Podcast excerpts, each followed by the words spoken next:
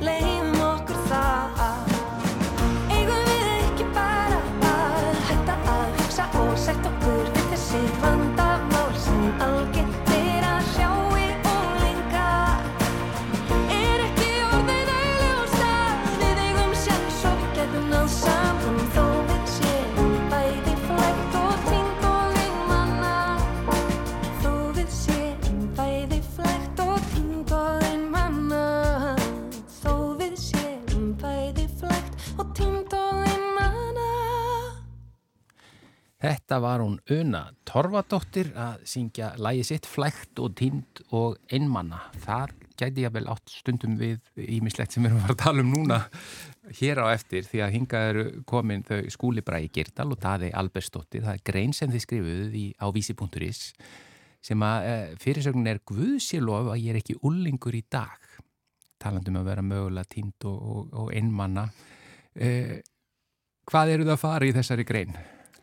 Já, við erum eiginlega bara svona að koma svolítið inn á þessa setningu sem mann heyri bara rosalega oft og maður hugsa svolítið oft sjálfur bara vá hvað ég er fegin eiginlega bara samfélagsmiðlar hafa ekki verið inn í málinu þegar ég var úlingur Mm. Nú er ég, já, 88 árgerð þannig að Facebook kom þegar ég var tvítug Mm -hmm. og ég er bara rosalega fegin að allt sem ég gerði fyrir þann tíma er ekki skrásett og varfitt á netinu fyrir alla, allra augum og um alla tíð Þetta er svolítið frasinn sem maður heyri, sko, ég er mjög mikið núna að fara í skóla og tala við kennara og, og hérna, foreldra og maður heyrir þetta svo opbáslega oft, bara guði sér lof og þú veist, ég tek alveg undir þetta, ég er rosa fegin að ég sé ekki 12-14 ára í, í dag að því ég veit að þá væri ég alveg á bakinu á mömmu að fá að byrja á, á Snapchat og TikTok og öllu saman. Mm. Eh, svo sér maður þetta algjörlega að fara úr böndunum líka þegar maður er að tala við börnin í dag og ég var að tala við einn eh, í tíundabekk í gær hann var að segja mér að hann væri með í seinustu viku 40 klukkustundir bara á TikTok í þeirri viku Já, þessi það er bara heil vinnuvika án styttingar sko. Já, Það er nákvæmlega fyrir styrtingu minnuvíkur. bara á TikTok sko. Já, maður sko les líka í gegnum þessa grein hjá okkur að það er hérna forildratnir einhvern veginn bara ná ekki utanum þetta og bara treysta sér ekki til þess að setja reglurnar og finnst þeir bara hafa, já, tapa þessari baróttu. Já, og ég Og að við erum með þetta líka sem foreldrar oft bara ekkit endilega barnana best í Nei, þessu. og ég minna, svo getur við líka sett okkur í þau spór, ég minna, við eigum erfitt með þetta við með okkar fullþroskaði heila og okkar allar einslu á bakinu í samskiptum og hvernig getum við ímynda okkur að einmitt á lingarnar okkar sem eru bara einmitt að þroskast og dafna að, að þurfa að takast á við það hennan mun flóknari heim heldur en við þurftum að gera í rauninni Já.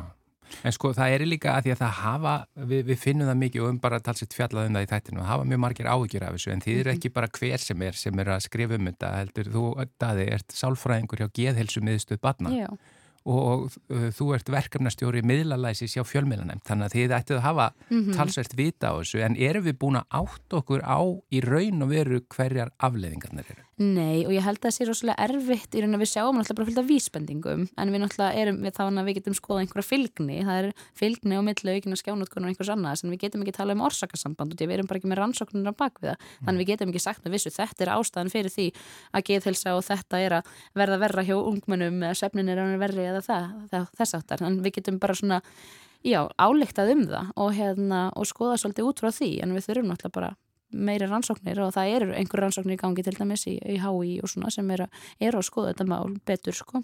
Við vorum svolítið seinan stað sko og það sem við erum að byggja hér á er mjög umfóksmikil rannsókn tölutna sem við erum með í greinin okkar kom úr henni að það er á börnum og ungmennum aldrei 9-18 ára sem við gerum með mentavísindastofnun Háskóla Íslands og við erum að leggja hann aftur fyrir núna í, í haust og þá erum við að bæta við þessum þætti um, um líðana því við sjáum mm -hmm. hvað það tengist stert inn í líðanina. Við, þegar við sjáum þetta svona svart á kvítu þá sjáum við rauðflögg út um allt uh, og þar sjáum við þess að vísa af því að þessi kynnslóð sem er komin hérna inn og er fyrir að nota svona mikið hún er að stefna í, í óefni við ætlum ekki að stíga niður fætinum mm -hmm. það, maður sér samt og auðvitað upplega fóreldrar ákveði úræðaleysi, mann er fallast hendur hvar á ég að byrja, ég er með úlingin minn í dag sem er farin að nota þetta svona opáslega mikið á ég að rífa síman af honum og mm -hmm. þá mhm. verður allt vittlustun á heimilinu mm -hmm. en við þurfum að byrja að trappa þetta smám saman niður og við þurfum að fá börnin með okkur í lið, skólinn þarf að vera með fóreldarnir þurfum að vera með þurfa allir að vera saman í þessu. Já. Já. og svo þurfum við líka að taka þetta svolítið út frá auðvitað er þetta bara orðin, bara eðlu partur af okkar lífi í dag, þannig við þurfum líka að taka þetta út frá því, við erum ekki að fara að losa okkur algjörlega við þetta. Um, en við getum aðeins stíðið tilbaka bara ok, eigum við að gefa þeim þetta svona snemma, okkur þarf 8-9 ára batna eða snjálfsíma af hverju er eðlilegt að 9-10 ára börn séu komin inn á samfélagsmiðla þegar reglunar eru 13 ára og reglunar eru ekki einu svona byggðar á rannsóknum um þroska og, og hérna líðan barna að þau ættu raun að vera herri en þannig að við þurfum líka bara að þess að stoppa og hugsa og en þetta er líka mitt, skólinn alltaf mikið búin að vera fræða fóreldra og, og við gerum smá því saman líka og, og þá heyrim við svo bara, bara en hvað, þú veist, það eru allir á þessu og barnið mitt bara frekar að vera út undan sem er alltaf heldur ekki gott og þú vilt heldur ekki barnið sem missa félagsum samskiptum. Mm -hmm þannig að það, við verðum eitthvað að, að fara einhvern milli við þarna. Þetta er líka, þetta er svo merkilegt að því að þetta er svo stór hluti af okkar lífu, ég menna þú talar Já. um jafnvel 40 klukkutíma á viku og allt sem því fylgir að, að sko við erum í rauninni að þetta er orðin svona stór hlutur á svona stuttun tíma mm -hmm en samt vitum við í rauninni ekkit hvað, við bara áttuðum okkur, við erum eins og við hefum bara svona uh, flotið inn í þetta á þess að mm pæla almennilega í því, við erum eiginlega eins og bara tilrunadýr. Það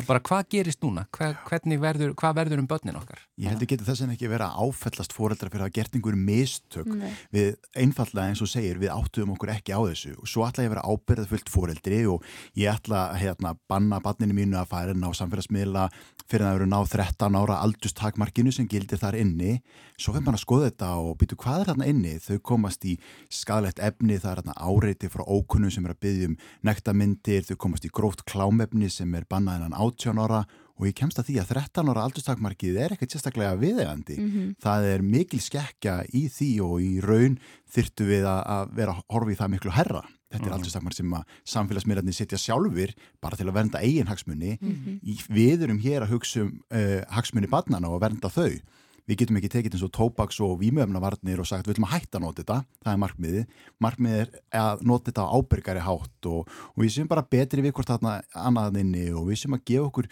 stundir þar sem við erum ekki að nota þetta og, mm -hmm. og, og þá getum við nota þetta á frábæra nátt, við hér erum ekki mætt til þess að segja við að hætta á TikTok og hætta að nota símana. En við, þetta er komið út úr hófi hjá okkur Já. Og hvað segja foreldrarnir sem þú ert að tala við, hvernig gengur, gengur þeim að eiga þetta þetta samtal við hvert annað og svona og búa börnir, til já. svona einhverja reglur og ramma. Þetta er stort og mikið mál og þeim gengur illa. Eh, það er mjög erfitt þegar það er ekki samranda reglur millir heimila sem dæmi. Mm. Ég er með einhver ákveðna reglur og, og svo er allt í nátt börnin í kring komið með þessi tæki og hvað ég þá að gera sem fóröldri. Ég sitt eini í súpun einhvern veginn með þetta. Man, ég get byrja á því að láta reglurnar á mínu heimili gilda. Alveg saman þótt að Pétur eða Jónas er koma í heimsón, þá gilda reglurnar sem ég hef sett hér og, og þó að eitthvað annað gildi en á þeirra heimilum þetta þarf líka að færast úr þeirri átt að við séum þetta eina leiðilega fóreldri. Við þurfum í mhm. raun að fjölga þessum leiðilegu fóreldrum. Að þegar eru konið fleiri fóreldrar sem að, e, eru fannir að setja reglur og, og ramma þá verður það eðleri hlutur. Ég sem barn e, er þá ekki eitt ekki með síman og verð algjörlega út undan þá er þetta orðið kannski helmingurna beknum. Mm -hmm. Eftir þessu náum fræslunni til fleiri þá verður þetta auðveldara. Og svo tölum við líka um og náttúrulega bara besta forverðin sem snýra svo mörgu er náttúrulega bara verðtu vinnu basinstýns, þekktu vinnu basinstýns og þekktu fórildra vinnu basinstýns og til um leið og þú ert komin með einhvern svona hóp sem er svona nokkuð sammála þótt að segjum bara 5-6 manna hópur þá er miklu auðveldara að standa á svona föstum fótum með þetta, bara við erum búin að taka einna ákvörðin við fórildra hópurinn og sem dæmist ákvörðin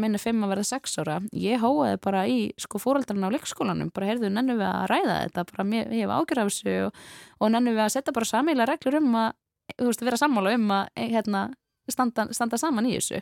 Og það var bara rosa góður hljómgrunni fyrir því og við erum bara strax í leikskóla farin að tala um þetta.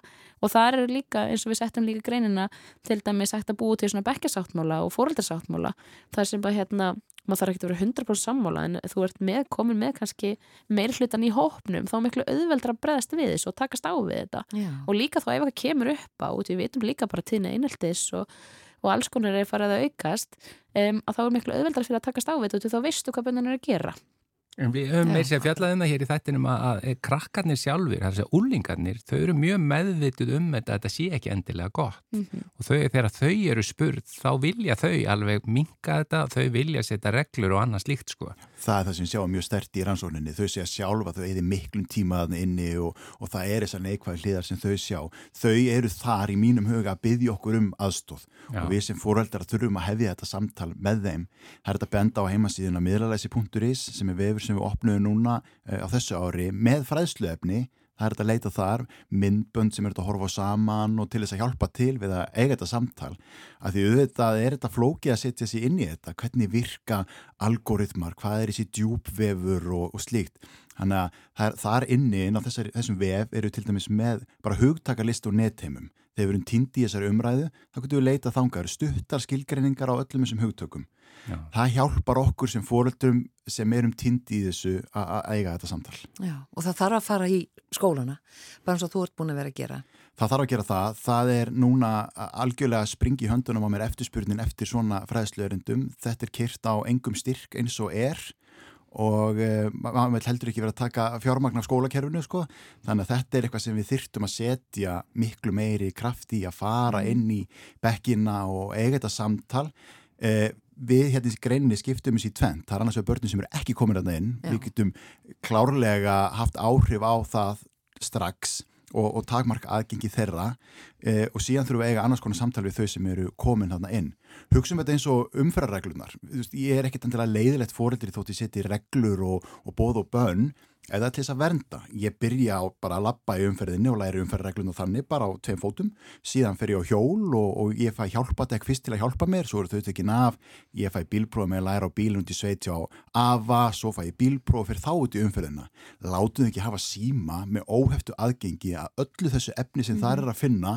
Það er eins og að setja beint við stýri og þau eru bara á leiðin að klessa á næsta bíl. En, en Daði, þú varst að tala um áðan þessi rauðu flögg sem að eru bara hérna, talsvert mikið af. Þegar við erum að skoða afleggingarna þó að það sé ekki kannski endilega komnar e, niðurstöður í stóra rannsóknir en það er, að, það er verið að rannsaka þetta. Hver eru, svona, hver eru helstu rauðu flöggin?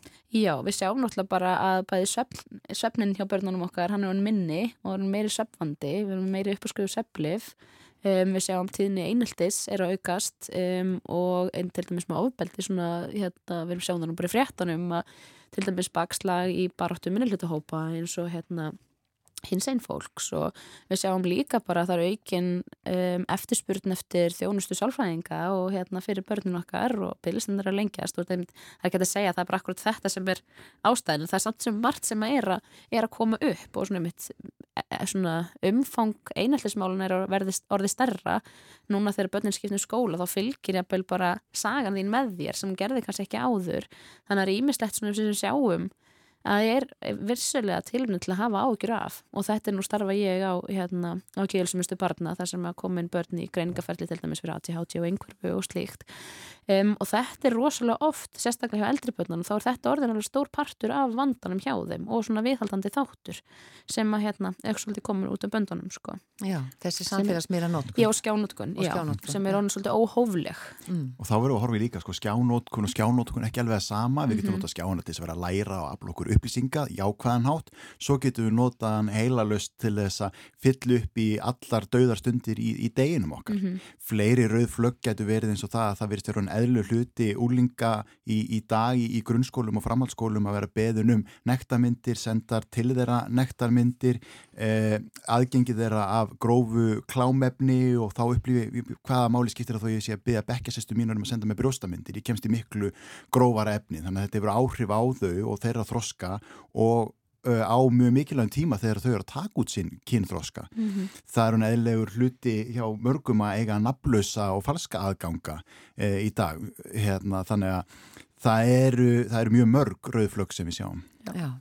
Ég man eftir hérna viðtali sem ég las einhver tíman við 12 ára gamla strák sem hafi verið á reykjum Mhm. þarna í skólaferðinni og þar voru símar bannaðir og hann sagði mitt þetta var besta vika lífsmýns Já, Já, já, þau, Svona eh, ég- satt í manni já, Einmitt, það- og ég meina við vitum þetta sjálf. Þegar við einhvern veginn föttum eða gerum förum í frí eða eitthvað og leggjum símana svolítið frá okkur allt í hennum bara verður ólíkt meira gaman sko Já. og allt, allt annað. En eru við sko að því að nú í gegnum tína þegar koma tækninýjungar og þá viljum við oft sem foreldrar eða fullorna fólkið er oft eitthvað svona skeftíska að, að nú sé bara heimurinn vestnandi að fara vestnandi, ég man bara eftir þegar við vorum að ræða þetta bara hérna fyrir tveimundögum þegar videotæking komu. Mm. þá var eitt pappin hérna sem hann sagði bara nei, nú verðið þið alveg heila döð að horfa endalust á Mhm. vídeo. Og eitthvað slíkt, en ég menna þetta er samt svolítið mikið meira en bara venjuleg tækni nýjung. Þetta er bara, þetta umvefur allt já lífið. og umbreytir líka bara svolítið samskiptunum okkar og svo Já. líka sjáum við það líka talandi um að einmannleiki hefur aldrei mælst herri Mm. og það er bara að tala um faraldur einmannleika eins og í Bandaríkjunum og Breitlandi og líka einn á Norðurlandunum að hérna, og hvað er það? Við hefum aldrei verið jafn tengd og áður, ég hef aldrei verið auðvelt til dæmis bara að ná í ykkur tvö, ég þekki ykkur ekki á, á samfélagsmiðlum, ég get bara náð í ykkur að það er bara ekkert mál, þannig að hérna þannig að við þurfum líka að skoða það. Ég meina samskiptin þarna inni, þau samræmist ekki þú veist, það er ekki sambarileg samskiptum í raunheimum. Nei. það sem nú ert bara og sko kennslan í samskiptum er líka ólík. Og það sem ég get verið að rýtskoða mig og pæla í hvað ég segja og tekið tíma í það versus það þegar ég þarf bara að tala hérna á staðinum og þú stendur fyrir fram mig og ég sé viðbröðin þín. Mhm. um, og það held ég líka komið svolítið inn í það hvað af hverju ég leifi mér meira á internetinu. Ég segi eitthvað eins og bara krakkanir er er bara stundum í dag bara þú veist, dreftu þig og eitthvað svona. Ég sé ekkert viðbröðin hjá mannskinu sem færi þessi Lopod.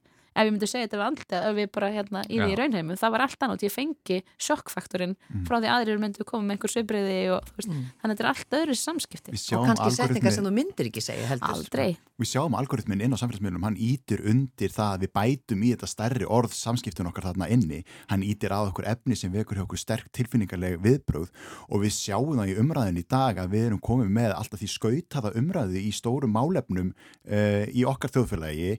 Uh, þannig að við erum alltaf nálgast bandarist samfélag hvað það varðar. Ég held við ættum svolítið að setja okkur í þessi spór úlinga í dag, þessi aukna pressa, uh, það var pressa á okkur líka þegar við vorum yngri að, að klæða okkur ákveðin hátt og, og svo framvegis en, en þetta var ekki allt gert og ofinböru vettvangi. Ég verði ekki að ágjöra því þegar ég voru á skólalóðinni að það var að vera að taka myndir af myndbund af mér þegar ég var að gera eitthvað asnælegt og svo farið það í dreifingu og ég viss, vissi ekkert hvar það er endi, það er myndir. Þannig að við þurfum að fara að gefa þeim þetta svigrum og þetta, þetta frelsi ymmit fara inn á reiki og vera símalust þar. Á skólinn ekki vera staðu þar sem ég er laus frá þessu áriti svo ég geti einbett mér að, að náminu mínu. Það held ég að sé orðin algjörlega, algjör grunnþörf í dag og svo þurfum við að taka það lengra. Símalösa stundir tveim, þreim tímu fyrir svefn svo þetta hafi ekki áhrif á svefnin minn þegar ég er að borða matinn minn. Að, að við, við hjálpum börnunum að búa til þessa stundir. Þau setja sér ekki þessi mörg og þetta óhof. Ég meina ef ég var í barn og ég hef óheft aðgengi að, að salgæti þá þetta fer ég, fer ég í salgætið en, en þegar ég byrja að trappa það niður þá kemst ég að því, já, þá breytist aðeins bræðskinni mitt og, og mér, mér hættur að langi nammi eftir eina, tvær vikur. Mm. Hvað með þetta með símalausu skólana? Hafa svona, vitið hversu margir eru komnir þar? Ég get ekki dæmi að núna hef ég verið að fara í skóla og, og ég var til dæmis í skólanum á Húsavík. Eh, Þau standa frammi fyrir þeim, því vandamál í dag að það þarf að kaupa fleiri skákborð og, og bortennisborð í þann skóla. Við þurfum auðvitað líka að hjálpa börnunum að finna eitthvað annað til þess að gera þegar þau er ekki í símónum. Eh, Þar var ég að tala við hóp úlinga þau hlustuðu á mig allan tíman, þetta var ekkert vandamál, það voru engin í síman en það engin símar til að fara í allan tíman svo var ég, ef ég fari í aðra skóla þar sem eru símar í boði og auðvitað faraðu í svona fræðsluðurinn hjá mér einhver tíma þegar ég finnst eitthvað leðilegt sem ég er að segja í síman, þannig að það er stór munur á því e, þegar maður er að tala í símalönsum skóla eða ekki símalönsum skóla. Já. Þetta er alveg ótrúlega stórt og áhugavert mál með Mhm. Daðei Albersdóttir og skúli Bræi Geirdal. Takk kærlega fyrir komuna í mannlega þáttin. Takk fyrir okkur Takk.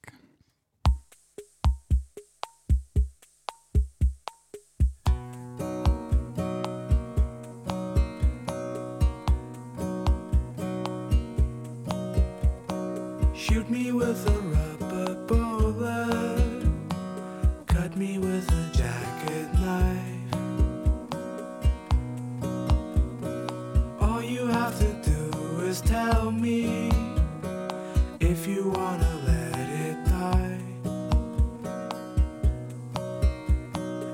look into my eyes and say you're okay. But that's just your way to say you want something better. If we never break the cycle, how can we be truly free? Gently swaying with the current, driftwood on the open sea. We face an open door and pick the threshold. Will we grow old without trying something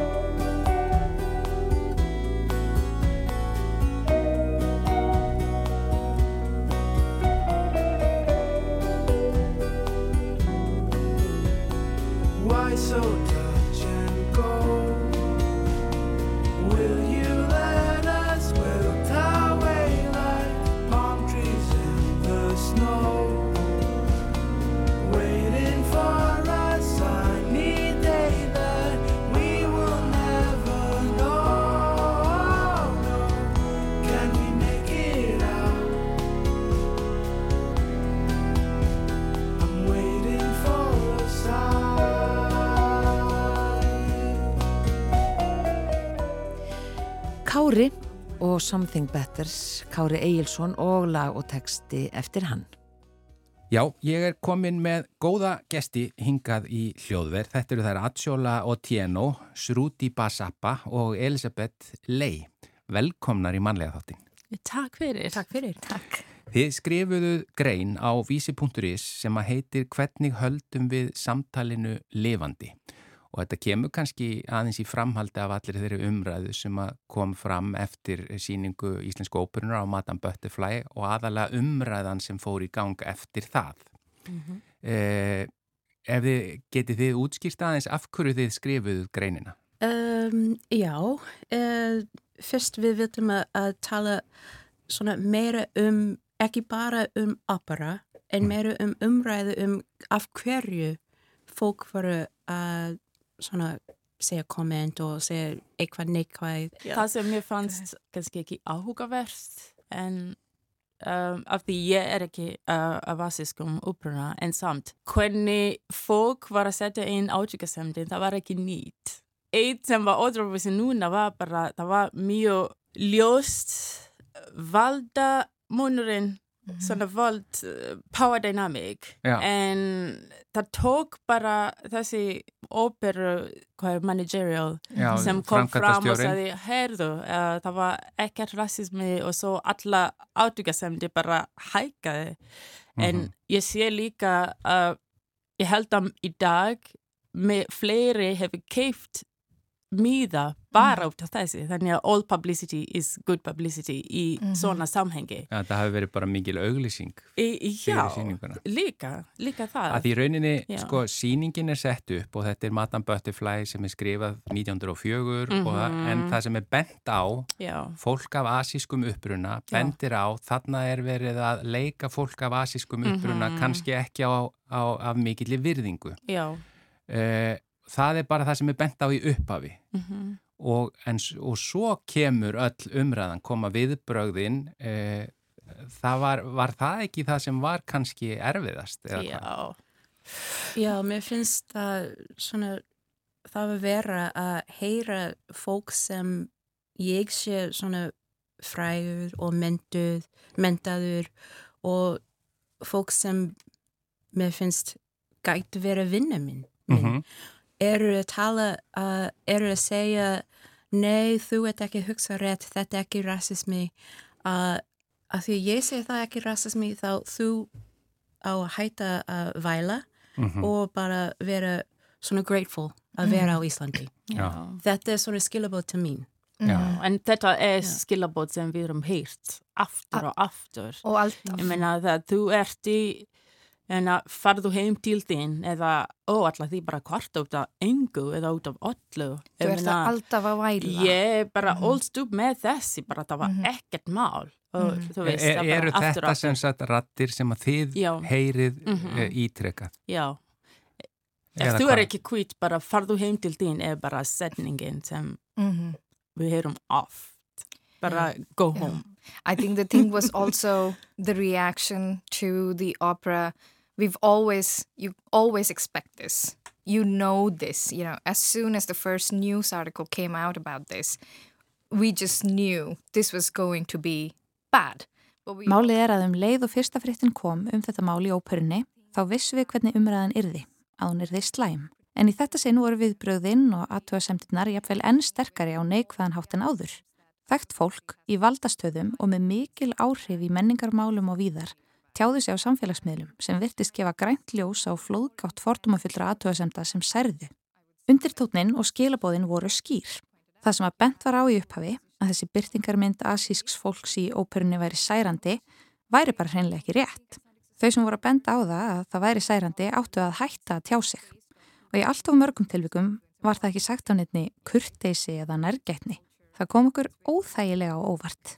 And every time you're asked to shut up and take it. That is, I think, the underlying, you know, and nobody sort of like even pretended to be polite or be PC about this. I Yeah. think, I think it was the intensity around this conversation that was like very, very, even though you're prepared, yeah, it was even more intense than what we are usually Ég meina, subject to valda and experienced. dynamík var mjög bara svartkvít. Mhm. Það var bara, já, unfiltered. Yeah. Þannig að í rauninni skilabóðin sem þið upplifið, Mhm. það er bara, nei, nei, þetta er vittlust hjá okkur. Já. Þið eru það miskilja, þetta Mhm. er ekki fordómar. Mm.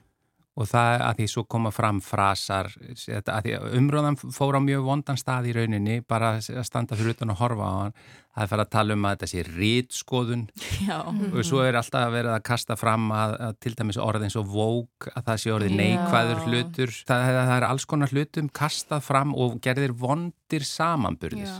sem að eru hérna, þú veist, má þá ekki, má ég ekki spila blústónlist Já. og einhver svona sem eru kannski ekki alveg til í apsa á við það sem að, en svo má heldur ekki gleyma því, þessi ópera hefur verið sett upp út um allan heim, allstaðar er sama umræðan, allstaðar er verið að ræða sömu hluti, þetta er ekki bara að gerast hér með Madame Butterfly hér heldur í London þurfti að vinna í langan, langan, langan tíma til þess að finna út úr því hvernig væri hægt að setja hann upp án þess að særa. Já. Þú veist, og, það, þetta hafa, og, það- og þetta hefur óperukompanjum tekist misvel, sumstar hefur mistekist og orðið mjög vond umræða Mhm. þannig að þetta er ekki, þetta er ekki einhvað sem er bara hér En þegar þú horfur á hvernig var gert í Evropu eða Ástralja eða mm -hmm. Vestralundum, þau áttu tækifæri til að gera það rétt. Já, Hér. Þegar þú Já. er að Já. fá að borga fyrir eitthvað lútverk, á leið að þú er komin í svona að selja eitthvað, já, þú þarf á minnstakosti bara bare minimum Mhm. þú verða að læra en eins og leikara þú, það, þú er að leika eitthvað þú ert, þú ert að fara í karakter Mhm. en við getum, við getum ekki tekið bara allt frá 1904 Mhm. og bara leiki eins og uh, það er alltaf læg af því þegar við skoðum líka uh, kvenréttandir hér Mhm. þá það er líka munur að vera svona Íslandin hvít kona og Mhm. af asískum uppruna eða af afriskum uppruna og hvenær kemur þessi askona svona stereotyp Mhm.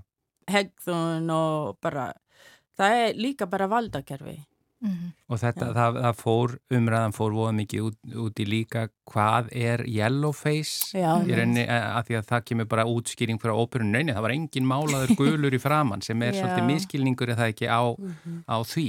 Já, Já, og, og þetta umræðum hvað er yellowface, mér finnst þetta er svolítið gaslighting, Mhm. uh, svona að finna eitt sem þau geta bara að tala um og, og mér finnst umræði er stærri en það.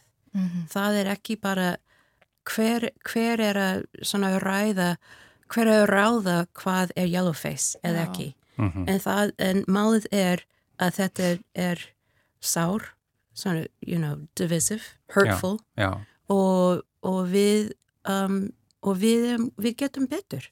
Við erum, þetta hefur breyst mjög mikið uh, fyrir kannski tíu ár. Það, það er búin að breyta frá tíu ár síðan. Já, og núna er það rými og við kunnu að gera betur og bara og, og uh, reflect.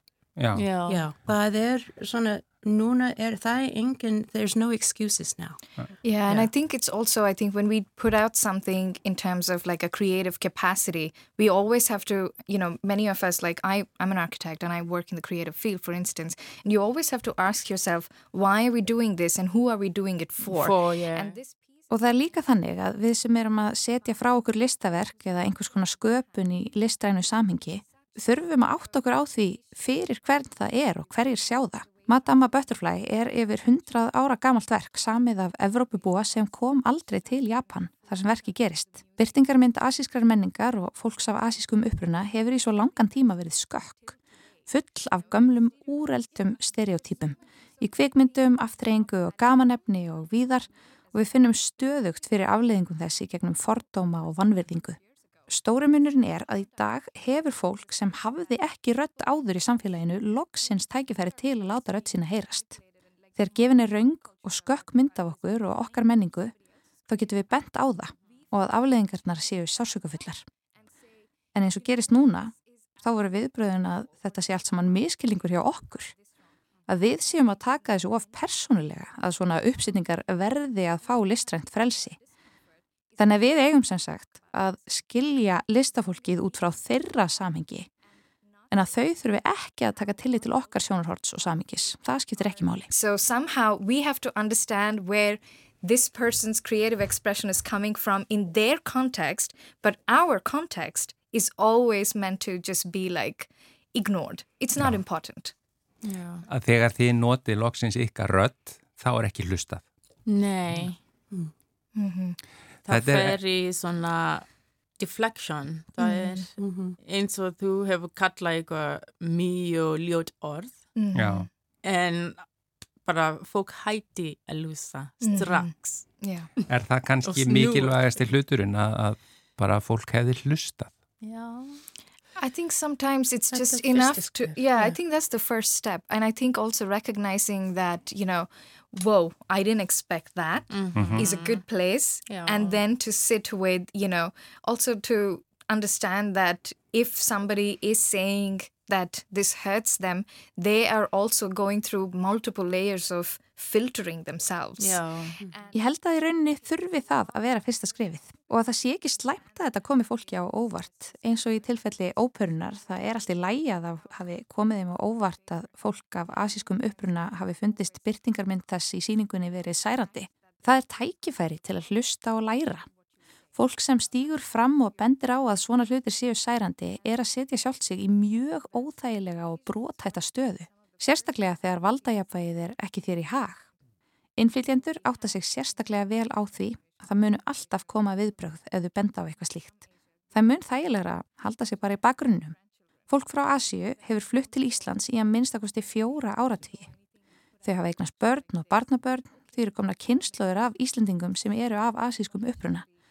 Það ætti ekki koma neinum á óvart og því var þessi síning svo áhugavert tækifæri til þess að gera betur.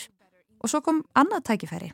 Þegar fólk af asískum uppruna benti á að þarna væru úreltar særandi stereotýpur dregna fram úr fortíðinni. Að minnstakosti til þess að hlusta og reyna að finna út úr því hvernig hægt væri að komast hjá því að særa. Það þurfi ekki allir að vera sammála en allar rattir ætti að vera jafn réttháar. Og það er allt í lægi að það sé erfitt að fara í gegnum svona umræðu. Það er að minnstakosti nöðsynlegt að gera það til að læra. En Já. þetta operamál, þetta er ekki fyrsta skipti sem við höfum sjá svona, svona rasismi, Mhm. svona blatant rasisma uh, og það er, já, ég man bara, já, bara þegar ég kom fyrst meira en 20 ár Mhm. síðan, uh, það var alls konar svona fordóma og við gerum ekki neitt, af því að það var ekki, maður segja, Af það var ekki í til að, að, Mhm. að nota rödd og, og segja eitthvað. En ég held núna það er um, sérstaklega að því að við erum öll svona foreldrar, við erum með fjölskyldi hér, við erum með börn, erum með börn. já, og ég sé börnin minn hér og þau, they, they won't tolerate it. Þetta er ekki, þetta er ekki nóg gott. Nei, og svo ég vil ekki svona fá svona attention en, en ég þarf að tala núna. Já, ég þarf að segja eitthvað. Já. af því að við elskam Íslandi og við viljum við viljum að vera hér en Við erum hér. já, við, Við erum hér. Nú þeir eru hér, allir já. íslenski ríkisborgarar. Já. Já. og það er svo skrítið þegar, þegar fólk, þegar fólk svona when we're treated like we are still visitors Já. já, Það er alltaf bara, en er það ekki miklu betra samt en Mhm. he, heima hjá þér? Já. Heimalandi hjá það, þér? það er eins og þetta frá svona nýja, nýja Íslandingar Mhm. já, Hv- hvað, Hvað er nýja Íslandingar Hvað er Já. Íslandingur? og hvernig getur Við ég vera tala- bara Íslandingar Já, við erum að tala á íslensku. Við búum hérna. Mhm. But when we walk down the street. Við erum að borga skatt, við erum Já. að vinna, Já. við, ég eh, eh, Við erum meina, með börn, við erum með búin að fjölskylda, sýna svona já. ymsu verkefni í, svona, í samfélagi Yeah. og já, But when we walk hvernig down the vera maður street, that melanin is not enough. No. You know, it's not, it's never enough. Whether No. you live here, pay taxes here, build businesses, families, connections, communities, tala íslensku og tala íslensku Já. með hreim eða neitt. Mhm. And it's never going to be enough because, you know, En við erum aldrei nóg. Melanínið, liturinn á húðun okkar, þrátt fyrir að við séum íslenskir ríkisborgarar, borgum skatta hér, búum til fjölskyldur, heimili, fyrirtæki, erum hluta samfélaginu, þá er það aldrei nóg. Hvað þarf fólk eins og við að gera? What does it take for people like us að vera Íslandingar? Já. Nú, uh, greinin ykkar eh, fyrirsögnin er hvernig höldum við samtalenu lifandi. Þið eruð að, að vinna í uh, podcasti, hlað, hlaðvarpsþætti Mhm. sem að heitir einmitt eða ekki Beyond að þú talar um melanin, Beyond Já. Melanin Iceland. Hvað hva, segið okkur aðeins hvernig þetta hlaðvarp er? Podcastið er um lífið á Íslandi í sé augum tryggja innflytjandar. Já, Já, við, ég er frá Kenya, hún er frá Bandaríkunum með asískum um, uppruna já. Mhm. og Shruti er frá Indlandi, já, asísku uppruna. En melanin, það er bara myndlikinn, þannig að metafor. og við komum saman af því að við vorum að, að, að horfa hvað við erum í öll svona öðruvísi svona svæði en samt svipað reynslu. Já, en ég vil að segja við erum ekki we don't see ourselves as victimized mhm, per se.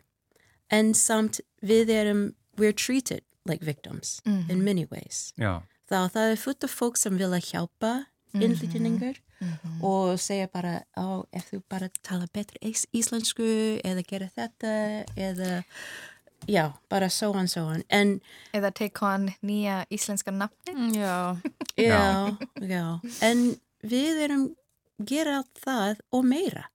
En við erum samt með til dæmis operamál mhm, þegar fólk segja, nei, þú mátt ekki segja það, það er ekki já, já þú ert ekki rétt og þú mátt bara hætta að tala og halda áfram. Já. En það, það er það sem við viljum að tala í svona podcast okkur. Og, það, er, hérna, og þetta heitir Beyond Melanin Iceland. Það er ekki ennþá komið út. En vitið þið hvenar um það byr? Um,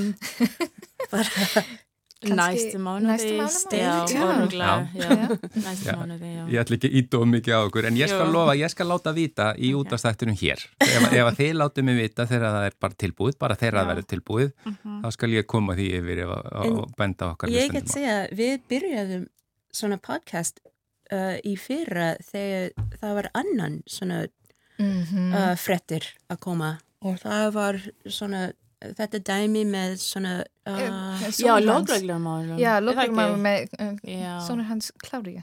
Mhm. já, Er það ekki? já, Já, og einmitt. og þegar drengurum var handtekinn í, í, Já. í strætó. Já, en það var Já. svipa umræða. Það Já. er Mhm. svona fólk, ég meina það eitthvað gerist. Já. Það er alltaf best að skoða svona valdamunurinn Já, og sé með augun af sá sem er lower. já, Þannig að það, þetta var 16 ára drengur.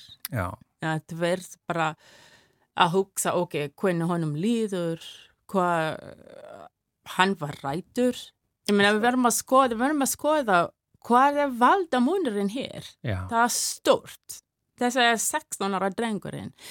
And I think it's also because we realize that we are so privileged as well, Mm not just as immigrants, but we are privileged people living here in Iceland and we have a unique perspective. And I think if we don't hear different points of view and speak about our experiences, we will always be talked about.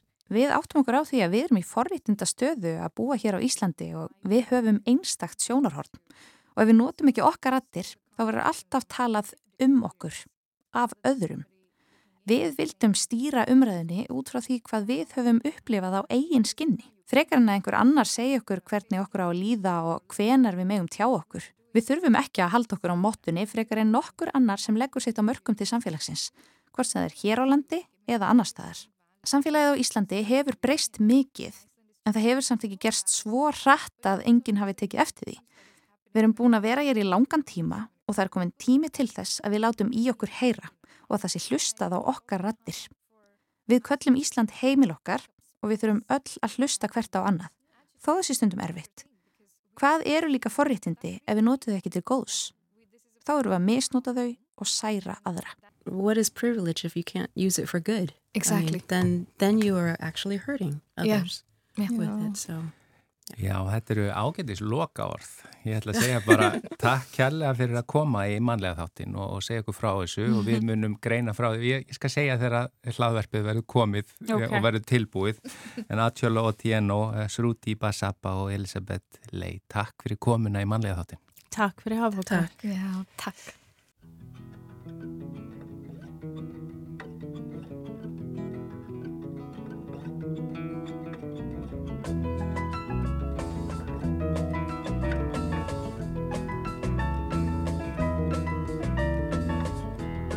Could have been a sailor, could have been a cook. A real life lover could have been a book.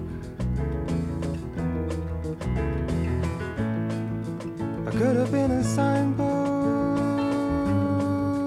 could have been a clock. As simple as a kettle, steady as a rock. I could be here and now. I would be, I should be, but how? I could have been, but one of these things first. I could have been.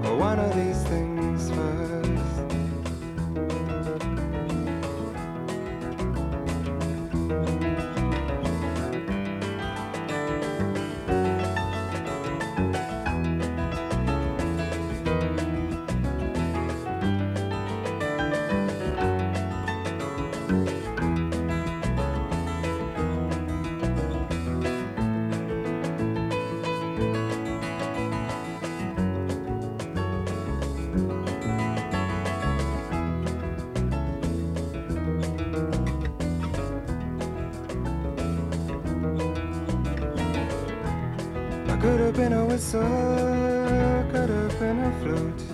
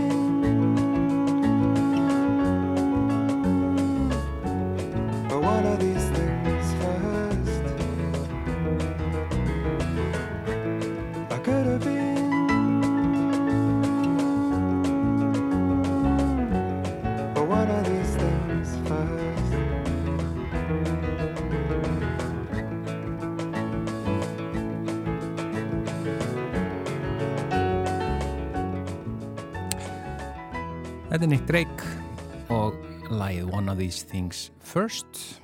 Þetta verður loka lagið í þættinum í dag. Já, En best að taka það fram að, að hérna, í viðtalinu áðan við Atsjólu, Srúti og eh, Elisabeth þá var það Anna Marsibil Klausen sem að las sem sagt íslensku þýðingarnar. já. En þá er þættinum lokið á morgunni föstudag sem þýðir að við erum með matarspjall og að þessu sinni ætlum við að tala um auðvitað lambið, páskalambið, þetta er síðasti, síðasta matarspjall fyrir, fyrir páska og síðan erum við með föstudagsgest auðvitað. Já, það er Hjörtur Jóhann Hjartarsson leikari. Við heyrum í honum á morgun en við þökkum innlega fyrir samfylgdina í dag. Verðið sæl.